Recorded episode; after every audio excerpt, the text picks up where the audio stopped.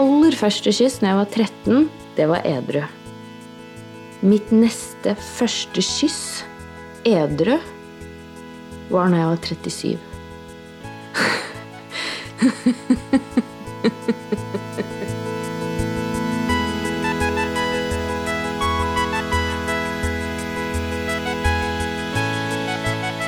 Å møte andres og sitt eget behov for nærhet, edru, det er skummelt.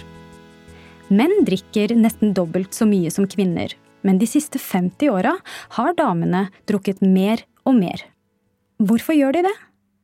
Jeg heter Ida, og det her er Maria, om å drikke seg til mot. Altså, begge mine foreldres sider så festes det veldig hardt og veldig høylytt. For eksempel min konfirmasjon er jo en av de største fyllefestene jeg har vært på i livet. Folk sovna rundt i stua, noen lå på gulvet og sang 'Bjørnen sover'. Etter hvert så kom vennene mine og begynte å forsyne seg av spriten. Og jeg var jo selvfølgelig da den kuleste dama i klassen, for jeg hadde jo den beste konfirmasjonen ever. Åh, følelsen av å være kul på ungdomsskolen. Ingenting er bedre enn det. Men konfirmasjonen var et unntakstilfelle. For foreldrene hennes var strenge. Det var ikke snakk om at Maria fikk lov til å drikke. Men når en tenåring bestemmer seg, finner hun en vei til alkoholen. Og Maria fant tidlig ut at hun likte rusen det ga henne. Jeg husker bare at det kom snikende, den følelsen. Satt i skogen, og så plutselig så ble alt bare veldig mye lettere. Og jeg snakka med de gutta som jeg vanligvis ikke turte å snakke med. Jeg, fra første gang, likte selve rusfølelsen. Så jeg drakk meg til uh, oblivion. Uh, til total borte. Maria er en frisk og pen dame i slutten av 30-åra.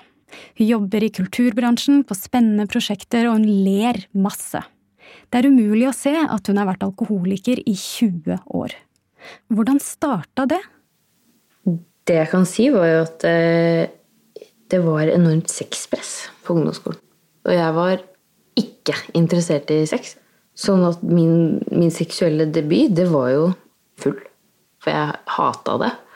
Så jeg tror jeg allerede da skjønte at å drikke seg full, det var liksom måten å kunne ha sex på. Så debuten min var drita full på fest i en vannseng. det var det var utrolig trist. Og det var vondt, og det var jævlig. Så enkelt og samtidig så vanskelig. Kjærligheten og seksualiteten. Maria forteller meg at hun kommer fra en kunstnerfamilie og hang i kunstnermiljøer. Og hun, som mange andre unge spirer, ville selvsagt til Paris. Utenlands, det er beste stedet å drikke. For da er det ingen som er eh, nær deg. Eller for meg så er det, da er det ingen som er nær meg. Mine foreldre vet ikke, eller de nærmeste vet ikke hvor mye jeg bare hiver i meg. Og utlandet er billigere. Det er tre euro for en vin. Hallo. Faen, det er 30 spenn. Jesus Christ. det er jævlig billig, liksom. og i Paris var det ingen stopper for drikkinga. Og der var det det eskalerte. Jeg bodde der i fire år. Jeg føler vi er på vei inn i et kaos. En fæl, flimrende film.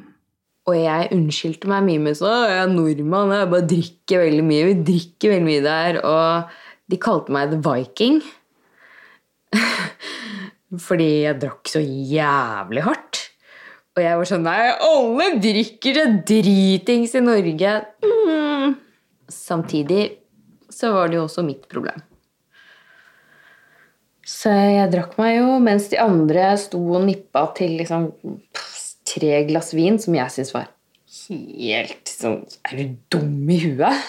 Eh, typ eh, mengde med alkohol. Så drakk jeg til jeg mista bevisstheten. Jeg har aldri, ikke, jeg har aldri stoppa. Det er sånne bitte små glimt av meg selv som ser ned på fortauet mens jeg liksom desperat prøver å holde en eller annen balanse. det kunne blitt et veldig fint, artig liten kortfilm bare av sånn gå hjem i fylla. I Paris skal Maria bli god på det hun drømte om å flørte. Sjenansen er endelig borte. Jeg traff en franskmann som rett og slett åpna seksualiteten for meg. Og det var da selvfølgelig drita full første gang. Og andre gang og tredje gang, tror jeg. Og så var jeg sånn Å ja, dette er, dette er jo gøy, så nå kan jeg faktisk gjøre det edru. Og skjønte, skjønte hvorfor folk gjør det. Men jeg var ikke noe mindre sjenert. Jeg var ikke noe mindre redd. Begynte å like sex, og jeg begynte å ta litt kontroll overfor mennene. Og jeg begynte å flørte litt hardere, og jeg begynte å Jeg begynte å ha det gøy i flørten. Det hadde jeg aldri hatt. Så den hadde sin fordel, denne liksom femme fatale-siden som kom fram.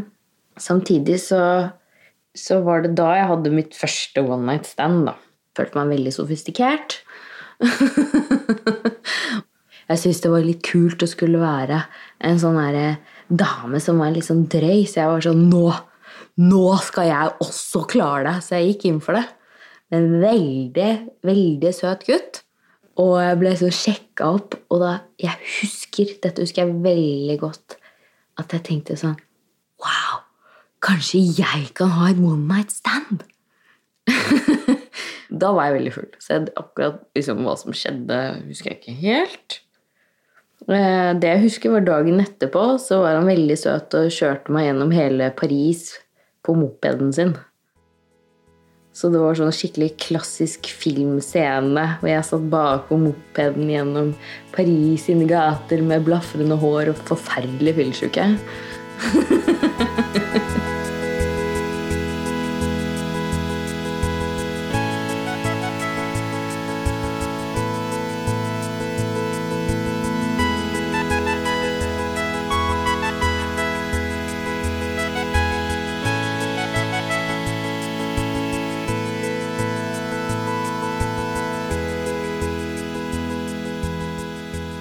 det er denne dobbeltheten med at det, er noe vakkert i det òg, det er noe morsomt i det òg, det er fine historier.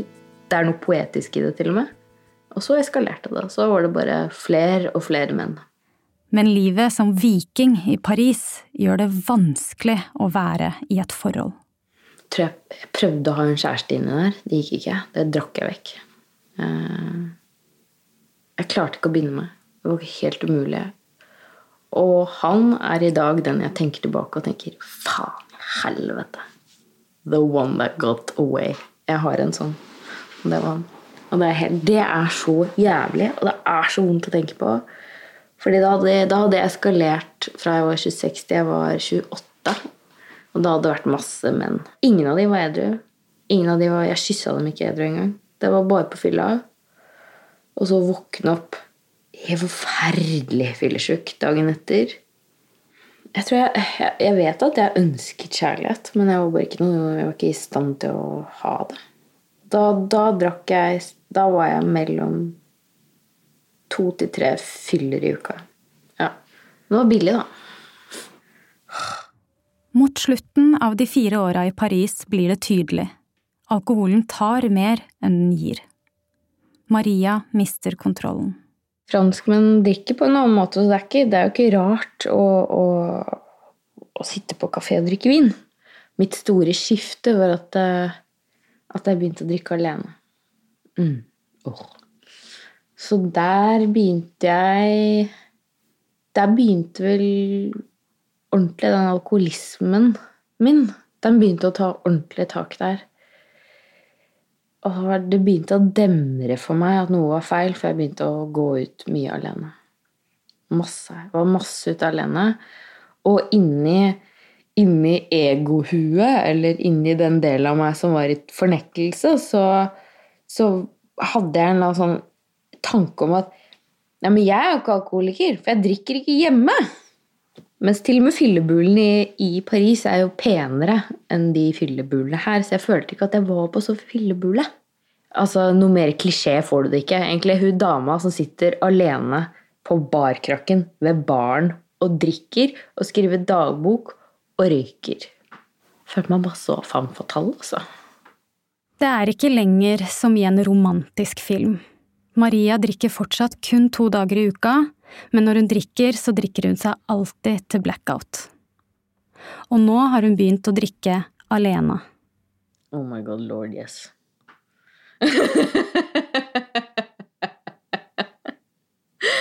oh, ja. Oi, oi, oi, oi. Standarden etter hvert var eh, ofte sofaen med noe kebab smørt utover liksom, bord, sofa og gulv, og meg selv. og våkne opp med klærne semi på. Eller har røyka inne mens jeg har spist. Og det er veldig sexy der, altså. Og våkne opp i det med verste fylla av røyke kebab om ever. Ja. Maria flytter hjem til Oslo, og nå er hun desperat etter hjelp. Hun forteller fastlegen sin at hun vil slutte å drikke. Da hadde jeg, oh, gud, jeg hadde gnura på det kanskje et år. Og, og vært sånn Nei, jeg har ikke et problem. Jo, jeg har et problem. Nei, jeg har ikke et problem. Jo, jeg har et problem. Og liksom kjempet med min sånne indre, indre alkis gollum som mener at jeg ikke har et problem, og meg som ser at liksom økonomien ryker til helvete, alle kjærlighetsforholdene mine ryker til helvete, alt ryker veldig dårlig. Bortsett fra jobb, som jeg klarer å holde helt fint. Uh, og jeg ser jo bra ut. Frisk, pen, drev galleri, var liksom good, suksessfull. Og helt fucka. Helt komplett fucka på innsiden. Så da dro jeg til legen, og det jeg husker jeg sa at jeg har et alkoholproblem, og jeg, jeg har det helt jævlig, og jeg trenger å avrustes. Og da gjorde hun et slags sånn tredjegrads forhør av meg, av noe slag, hvor hun begynte å gå inn i økonomien min og jobben min og bla, bla, bla. Og da hennes konklusjon var sånn Nei, du er altfor ung og pen og vellykket til å ha et problem. Bare ro deg ned. Og i stedet for å få hjelp, så fikk jeg da kjeft av legen på at eh, jeg måtte ikke sløse, men ikke, jeg måtte ikke komme her og tro at jeg kunne sløse med de norske skattepengene.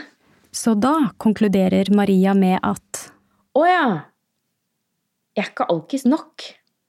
Jeg er ikke alkis nok, så her er jeg to valg. Jeg må roe ned, eller så må jeg bli skikkelig alkis. Jeg må drikke meg opp, eller jeg må drikke meg ned. Maria fortsetter å drikke, som før. Men det er alvorlig nok, det. Hun er vant til å våkne med noen svarte hull etter en fyllekule, men hukommelsestapene blir verre og verre. Og så var jeg sånn hvor, hvor er jeg? Og det skremmer Maria. Jeg våkna i min egen leilighet, og jeg visste ikke hvor jeg var. Jeg gjenkjente ikke tingene mine. Og så klarte jeg å se ut av vinduet, og så var jeg sånn Å ja! Jeg er her i Oslo! Det er sikkert sommerferie. Jeg er sikkert på besøk hjemme nå, så jeg skal sikkert til foreldrene mine. Nå har jeg bare havna på fylla et eller annet sted. Shit, jeg må gå hjem. Så jeg gikk ut av leiligheten. Min leilighet. Og gikk. Og prøvde, og liksom da var jeg ganske heftig angst. Og jeg bare Hvor er jeg? Hva har skjedd? Og så mens jeg driver og går rundt, da, dette er en ganske lang gåtur, så begynner jeg rett slett å laste ned de ti siste årene av mitt liv til jeg kommer fram til at jeg var hjemme i min egen leilighet, og det er 2018. Jeg måtte se på en avis. Og bare Oh my god. Så det er delirium. Og det er en alkoholskade. Maria jobba beinhardt for å slutte å drikke på egen hånd. Det ble mange forsøk, av og på igjen. Til slutt var det møter hos anonyme alkoholikere som redda henne. Sju år etter avvisningen hos fastlegen. Og det hender fortsatt at Maria tenker at hun kan jo ta bare ett glass. Ja, men det går fint. Det drikker ikke så mye. Det er bare litt. Det er bare litt. Du har kontroll. Du har bevist det. Se nå. Se. Da kan du jo drikke bare dette bryllupet. Alkoholikerstemmen i Maria kan virke overbevisende, men den forandrer seg så fort hun får litt av det hun vil ha. Det er som å ha Gollum fra Ringenes herre i hodet. Så kommer drikkemonsteret. Så kommer bare Jeg vil mer, mer, mer, mer, mer. Og det er virkelig den My precious! Ett glass vin, og jeg bare My precious! Jeg må mer, jeg må mer, jeg må. Mer drikke, mer drikke. Utenpå så ser jeg bare ut som jeg har det kjempefint. Jeg ser helt kontroll ut. Inni meg så er det bare sånn ah, Deilig, jeg vil ha mer. Men Maria har lært på den harde måten at hun ikke må lytte til drikkemonsteret. For Gollum kom fram i to bryllup. Etter det bryllupet og etter de deliriumene så skjønte jeg at nå er jeg på bærtur. Nå er det nå er jeg, nå, Og da hadde jeg allerede bestemt meg den våren som var før, at nå skal jeg slutte. Og da hadde jeg begynt å høre på noen podkast, tror jeg. Og bare Oh my God, it's me. det er meg. Eh, så jeg begynte å ha litt gjenkjennelse. To fyllekuler. To-tre fyllekuler hvor jeg hadde one night sov med helt jævlige menn. Altså, de var så stygge og ekle. Og bare ek, altså, helt forferdelig ekle. Og så gjør jeg Hva i helvete er det jeg driver med? Jeg må slutte. Og så hadde jeg da det som var min siste fyllekule. Jeg kommer til å dø av dette. Da det, det slo inn i marg og bein på meg. Og hvor jeg, jeg så meg selv i speilet med ren og skjær avsky. og var sånn, Hvordan klarer jeg å å sitte en gang og prate med noen som er så fyrslige. I dag går Maria i gruppesamtaler hos anonyme alkoholikere. Hun innså at hun ikke klarte å slutte aleine. Maria drakk blant annet fordi hun var så innmari sjenert. Hvordan er det å date edru etter 20 år som alkoholiker? Jeg er lammende sjenert overfor menn, så det å date edru Eh, jeg har hatt bare stort sett kun kleine situasjoner. Mens de er virkelige. De er ikke, jeg skammer meg ikke over noen av situasjonene jeg har vært i. De er flaue, fordi jeg vet jo ikke hvordan man kysser edru. Det, er, det høres ut som verdens enkleste ting, men for en som ikke har liksom kyssa siden jeg var 13 Jeg oppfører meg helt seriøst som en 13-åring på date. Og det er ganske flaut, og det er ganske forvirrende for disse gutta som jeg har prøvd å date. To ganger prøvd, så har menn prøvd å kysse meg, og det var ikke vellykka. Jeg da ble så redd når jeg så dette ansiktet komme mot meg med en sånn trutemunn. Som, jeg husket ikke at det var sånn det var. Jeg har vært så drita full når dette har skjedd. Så jeg frika ut og skreik i, i redsel. Og så er det jo den spørsmålet når skal jeg si at jeg er en alkoholiker? Hvordan skal du finne ut av kjærligheten edru? Og når er det lurt å dele sin vonde historie med en ny partner? Straks får du høre fra psykologspesialist ved Blå Kors, Maja Mack. Men først vil jeg si at Damer som drikker er produsert av Filt Oslo for Av og til. Produsent er Peter Daatland, lydmiks av Daniel Daatland. Kristine Øverland har illustrert coveret. Redaktør for serien er Katrine Gaustad Pettersen. All musikk er spesialkomponert av Beglomeg. Er du bekymra for din egen eller andres drikking, ta kontakt med fastlegen din eller ring rustelefonen på 915 08 588. Det er masse hjelp å få. Jeg heter Ida Palin, og nå er jeg spent på hva Maja har å si om Maria. Nå har vi hørt Maria fortelle om sitt liv med alkoholen. Hva er dine første tanker etter å ha hørt henne? Det er en veldig sterk historie Maria forteller, og jeg kjenner den igjen fra klinikken. Jeg har møtt, uh, møtt mange som Maria i de årene jeg har jobbet her. Så det gjør inntrykk. Så det er modig gjort av henne å fortelle det alt dette hun gjør. Det er sikkert skamfullt og ubehagelig. Så, eh, men Maria beskriver jo et mønster som vi ser hos enkelte. dette, altså Begynte tidlig å drikke. Likte denne effekten av rus. Og noen sier jo det, så man behøver ikke nødvendigvis å ha hatt en traumatisk barndom. Altså, noen kan jo være genetisk sårbar for å utvikle et alkoholproblem. For oss som jobber i feltet, så er, er dette Maria sier med, med de blackoutene noe vi er litt sånn obs på. Det kan være sånn risiko i forhold til å utvikle alkohol, eh, alvorlige alkoholproblemer. Maria nevner jo sjenanse ofte i denne samtalen. Er det noe du kjenner igjen? det å drikke som en måte å, å komme nær andre? Absolutt. Eh, og dette her med, altså Vi snakker jo ofte om, om rusmisbruk som en form for selvmedisinering hos mange. Så dette med sjenanse, eller altså mange har kanskje sosial angst som de strever med. At dette blir en sånn bøyge for de å komme over og våge å snakke med andre mennesker, være sosial. Veldig mange som snakker om dette med, med alkohol eller rusmidler for å våge å ha sex. Så det var veldig fint at Maria satte noen ord på. Dømmekraft senkes jo når vi har uh, fått en promille. Det gjelder oss, uh, oss alle. Så det altså grenser viskes ut altså til et visst punkt kan det kanskje være deilig. Man slipper seg litt mer løs. Men så kan man gjøre ting man ikke syns er så greit eh, i etterkant. Og klart dette her med, med, seksuelle erfaringer som blir negative, som man kanskje ikke husker så mye av.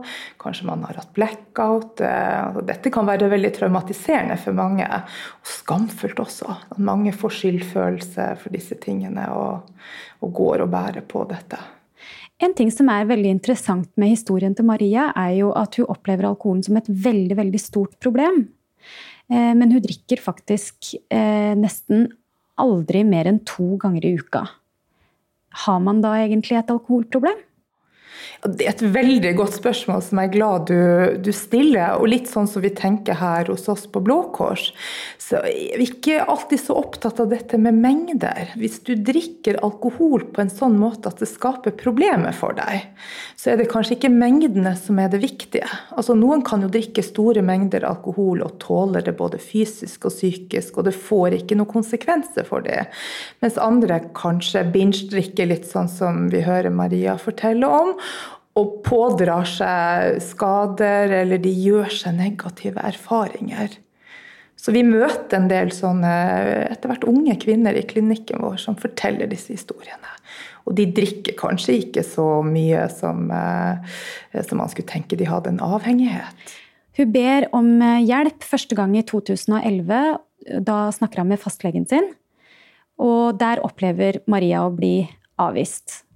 Har du hørt eh, dette før, om eh, folk som du eh, har hos deg? Så jeg har hatt pasienter som har opplevd å gå til én og to og tre fastleger før de får en henvisning, som har vært ressurssterke, ja, oppegående, normale folk som kunne vært venner og naboer og slektninger. Og hvor legen da ikke har tenkt at de har drukket tilstrekkelig mye for å trenge hjelp i spesialisthelsetjenesten. Hvordan er det egentlig? Er det flere kvinner som søker behandling for alkoholproblemer eh, nå? Ja, vi ser en økning av kvinner som kommer til oss. Altså, vi har egne kvinnegrupper her hos oss eh, for kvinner med alkoholproblemer. Så ja, vi ser jo det at kvinner drikker stadig mer. Yngre kvinner drikker stadig mer. Vi får yngre pasienter her også, stadig flere unge kvinner. Og det er veldig bra, for det ønsker vi å komme inn tidlig og forebygge, og ikke vente til de har hatt problemer i 20 år. Tror du, mm, som har jobba i dette feltet i mange år og møter mye forskjellige folk, tror du at det er sånn at damer eh, skammer seg mer for eh, alkohol? Ja, Det syns jeg mange av disse damene beskriver selv, at dette her, altså det er annerledes for de enn for mennene. Og I hvert fall med voksne damer. Det har kanskje litt med alder å gjøre. at Noe kan man se mellom fingrene med opp til en viss alder, men eh, har du runda 30-40 år, så er det i hvert fall ikke sjarmerende lenger. Så det er i hvert fall noe mange kjenner på, at de opplever at det, ja, eh, man tolererer litt mer fra menn enn man gjør fra kvinner i så måte. Eh, veldig mange kvinner med, med, alkoholproblemer og rusproblemer de søker ikke hjelp i rusbehandling. De havner i psykisk helsevern eller hos privatpraktiserende fordi de søker Altså, de forteller ikke om at de har rusproblemer. Mens med menn er det motsatt. Så de som uh, kanskje har psykiske problemer, de ender gjerne opp i rusbehandling. Så dette her kamufleres nok bedre hos kvinner, og det er litt sånn skam å innrømme. Og ja, når man går til legen, så underrapporterer man gjerne eh, litt om hvordan det egentlig står til. I neste episode Marte, som trodde at det å stifte familie ville endre alt.